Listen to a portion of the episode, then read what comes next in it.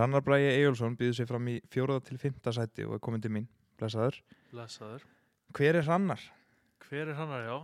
Það er, sko, ég er 26 ára gammal, lagfræðingur, uppalinn í Garabæ, búin að búa hérna alla mína tíð, uh, farið í leikskóla og grunnskóla og garðaskóla, hann er væntalega grunnskóla líka og síðan Mhm. FG, áðurinn ég fór í Háskólan Reykjavík og, og kláraði lagfræðina þar og ég spila handbólta með stjörnunni, ég þar í, hérna, spila þar uh, fyrir utan uh, í úrvastildinni Karla síðan kannski, já, ég kemur svona kannski mikilli Garabæða fjölskyldu fjölskyldu mín á hérna langa sögu það langaði minn hafi fluttinga ára 1955 og síðan komi amma mín og afi eh, sér að bræði fyrir Eriksson og, og frú Katrin Eyjósaldin eins og ég kýsi kalla Já, hann miklu já. verðingu fyrir ömmu minna að ég kalla hann alltaf frú Katrin sko. Þau fluttinga ára 1958 byrjuðu það að byggja sér hús í Faxatúni. Voru þar uh, eru, það, ég, ég kalla það svona frumbyggja í Garðabæ út af því að Mhm. Garðarhreppi byrjaði það svona myndast um þetta leiti á sjötta áratögnum og já, ég á hérna sískinni sem hafa gengið í gegnum allt saman uh, Sverrir bróður minn, Aðasteitt bróður minn og, og Katrin sýsti mín sem eru búin að fara í gegnum líka handbólt og alla skóla hérna í Garðabæ. Þannig já, við svona grunninn, Garðabæðingur Garðabæða kjarni, alveg. Já, alveg kjarna Garðabæðingur sko, ég held sér alveg óhætt að segja það En hversana býður þið fram og akkur á þessum tímapunkti? Já, það sko, ég býð mér fram sko, það, þetta byrjaði nú eiginlega allt svona, mín afskipti kannski af bænum svona í gegnum pólitingina, byrjaði kannski fyrir fjórum árum þá uh, tók ég sæti á lista sjálfstæðarflokksins fyrir síðustu 17. kostningar Mm -hmm. Áður hafði ég verið hérna í Hugin sem er félag ungri sjálfstæðarsmann í Garabæ og við höfum verið að vinna þar saman nokkra vinnir mínir og vinkunur og eftir það þá fekk ég sæti eftir kostningarna þá fekk ég sæti í hérna, menningur og samnanend Mm. Og hérna og búin að vinna þar síðustu fjögur ár. Og þar svona fekk ég svona að, allt hérna að vinna í svolítið bæjarmálum og það var svolítið mér fannst það ótrúlega skemmtilegt að geta unnið eitthvað að bæjarmálum og komið og haft áhrif og komið með tillögur og ræða hlutina og, -hmm.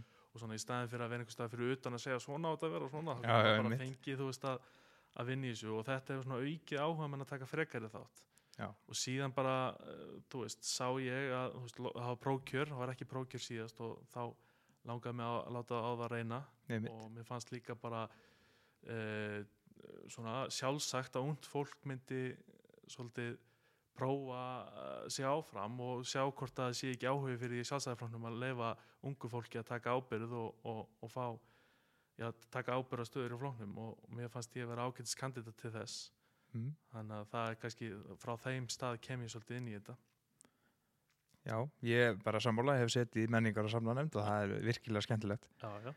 Uh, hver heldur svona, uh, ef að þú kemist í bæjarstjórna, er þið þín fyrsta tillaga? Já, sko ég hugsa sko það er svo margt sem ég hef áhuga á sko. Það, hérna, það er, þetta er svolítið erfitt að að móta eina tillögu sko. Ég myndi til dæmis út af því að sko málefni ungsfólks eru þetta svolítið sem að ég brenn fyrir akkurat núna það sem að ég er ungur og er á þeim aldrei að ég kannski fara að byrja mína fjölskyldu og, og annað slíkt að auðvitað væri leikskólamál stór partur í því.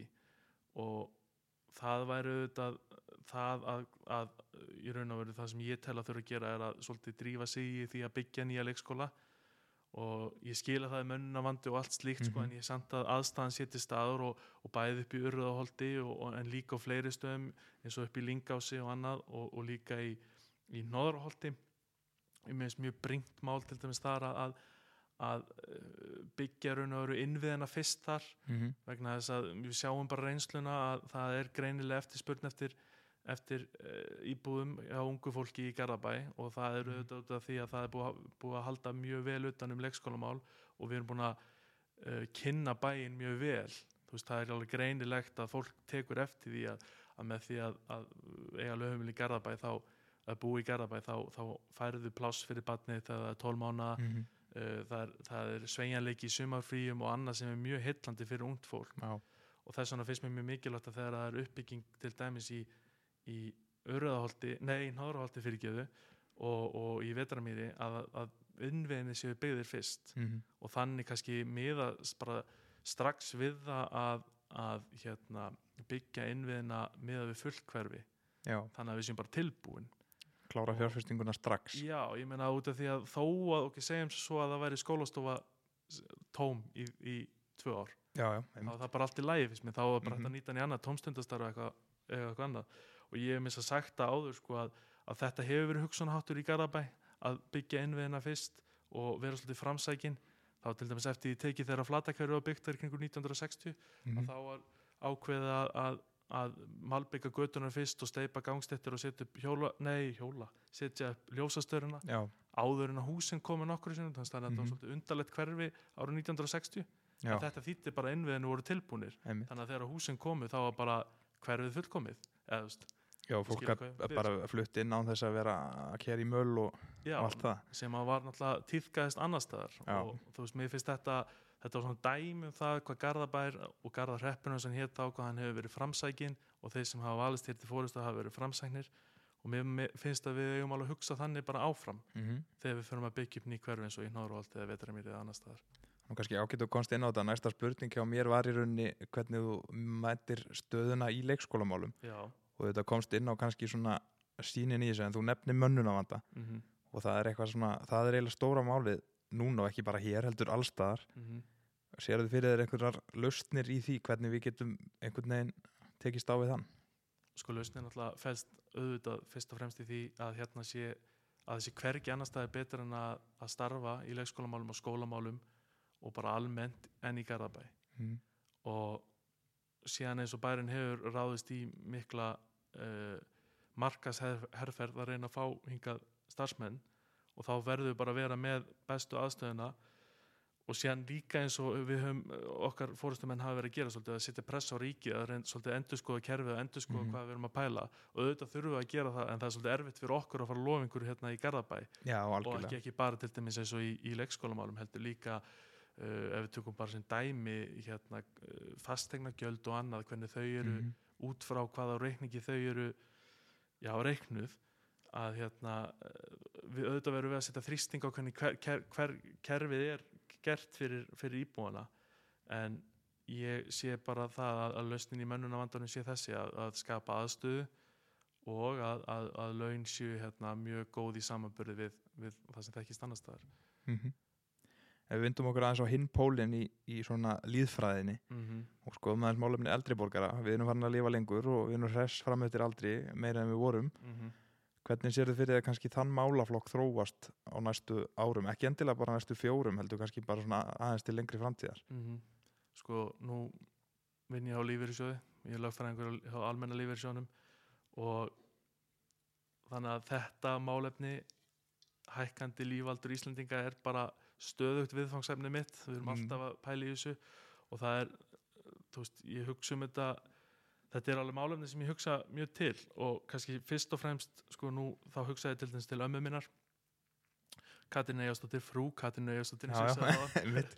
að hérna hún að, sko afi minn sér að bræði hann lest árið 2010 í mæði 2010 og amma mín átti þá eftir 11 ár ólefið og ég sá að þessum, þetta var risa áfall fyrir okkur öll þegar afi, afi var svolítið svona bjargið í fjölskyldinu sko, Mhm. hann var, hann var höfuð fjölskyldinu út af því að hann var bara svona uh, höfðingi eins og ég, ég kosaði kalla hann sko og, og hérna og ég sá það bara þegar hann kvatti að amma mín hún smátt og smátt einangraðist félagslega já, og það var rosa sárt að horfa upp á og rosa erfitt oft þú veist, hún var Mhm. bara ein í sinni íbúð og hérna hún var, var hlétrægar en afi sem var náttúrulega í öllum félagsmálum einhvern veginn stopnaði stjörnun og ég veit ekki hvað og hvað hinn í bænum.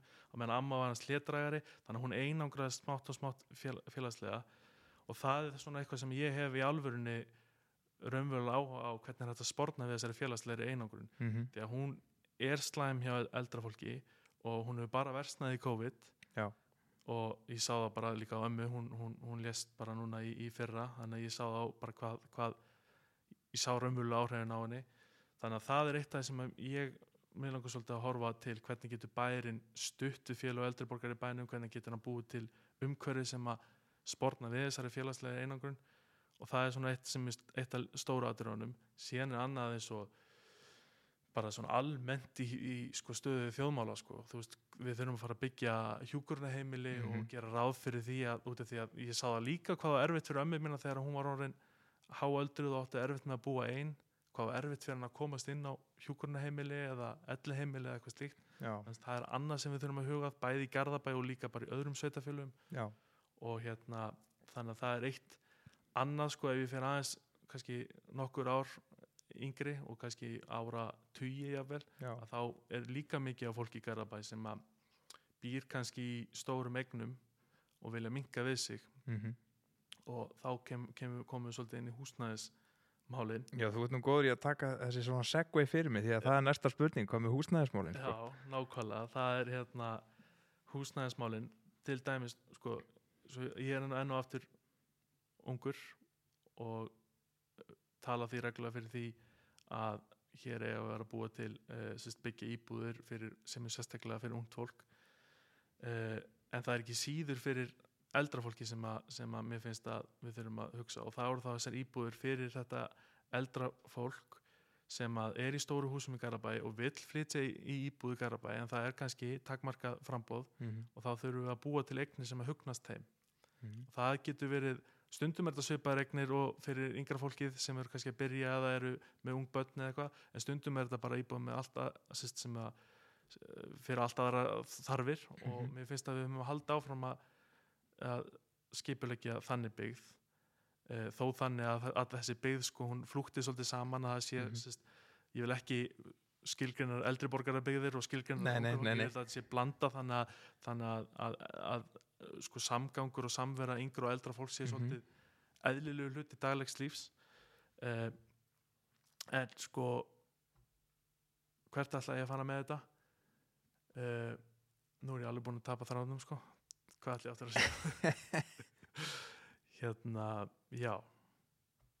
Já, ég held að þetta sé bara svarið mitt. Þetta er bara svarið, já, það er þessi fjölbreytni. Já, Herri, en þá er það kannski bara svona að lokum og, og mjög opið í rauninni og bara svona til viðbúta kannski við það sem við höfum farið yfir hvaða markmið þú hefur með þinni setu í bæjarstjórn eða þú kemst ángað og hvað væru þínir svona helstu áherslu punktar já það var þetta sko, markmið er náttúrulega að, að gera Garðabæ hennan dásamlega bæ sem að ég hef notið þeirra gæfu að hafa alist hennu upp og ég held að bara allir sko, það er eitt sem er svolítið sérstætt í Garðabæ að, að Garðbæingar eru svolítið stoltir af því að vera Garðbæingar. Mm -hmm.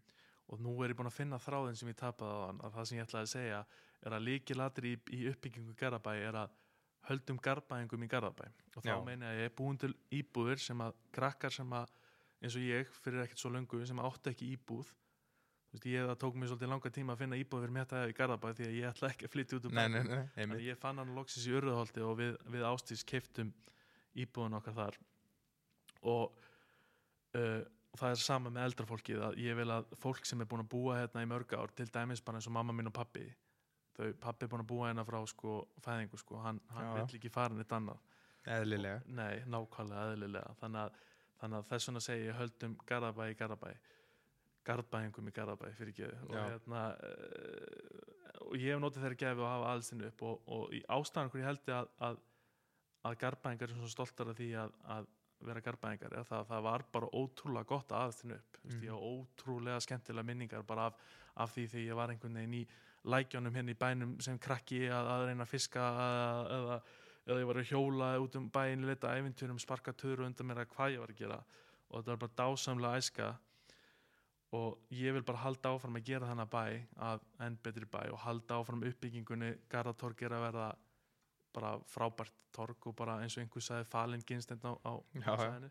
og þá svona vil ég skapa bæ sem að stendst allan samaburð við alla aðra bæ á Íslandi til dæmis í menningamálum og þess vegna Mhm. finnst mér bringt að við förum að leggjast í enn frekari vinnu við menningarhús og Mhm. ég hef líka nefnt Bessastaðasafn á Altanesi sem er annað svona menningarhús eða hús sem ég sé fyrir á Altanesi sem getur verið emitt menningarhús, félagsheimili uh, og svona viðkomustæður ferðamanna Mhm. því að það er eitt annað sem við tölum kannski lítið um í Garabæk við að taka þátt í ferðamanna sprengjunni sem var hérna náttúrulega fyrir COVID-19 en vonandi byrjar hún bara kemur aftur. hún kemur aftur, við erum náttúrulega Já, við erum sí nýr áfangastæður einhvern veginn í Ísland sko, það er alltaf, alltaf spenna fyrir honum þannig að ég sé fyrir mig að bestastæðir sem er náttúrulega okkar, þú veist uh, forseta setur og, og þú veist, í Mhm. raun og veru bara eins og hvítahúsið Já, já, skilurðu, þú einmitt. veist, að fólk fer að skoða þetta já, og það er heilmikil saga þannig að ég sé fyrir mig bestastæðasafn sem geti verið svona miðstöð bæði fyrir Altanes en líka fyrir ferðamenn sem koma þanga og það er svona alls konar svona sím í menningamálum og í íþróttamálum að við höldum áfram að vera öllu íþróttabær og stjarnan verði áfram og önnur félög í bænum ég bara byrði fólk um að fyrir ekki að ég er svo mikil stjörnum að, hérna, ég nefn oft stjörnuna fyrst en auðvitað er ungmennafélag á Altanesi og, og, og golfklúbanir og hestamannafélagin og skátafélagin og allt þetta. Þannig að við höldum áfram að gera þannig bæ bara að þeim dásanlega bæ og betri bæ heldur en hann er í dag þó hann sé ótrúlega góður. Mhm. ekki bara flott bara kæra þakki fyrir komuna. Þakka að kjallaði fyrir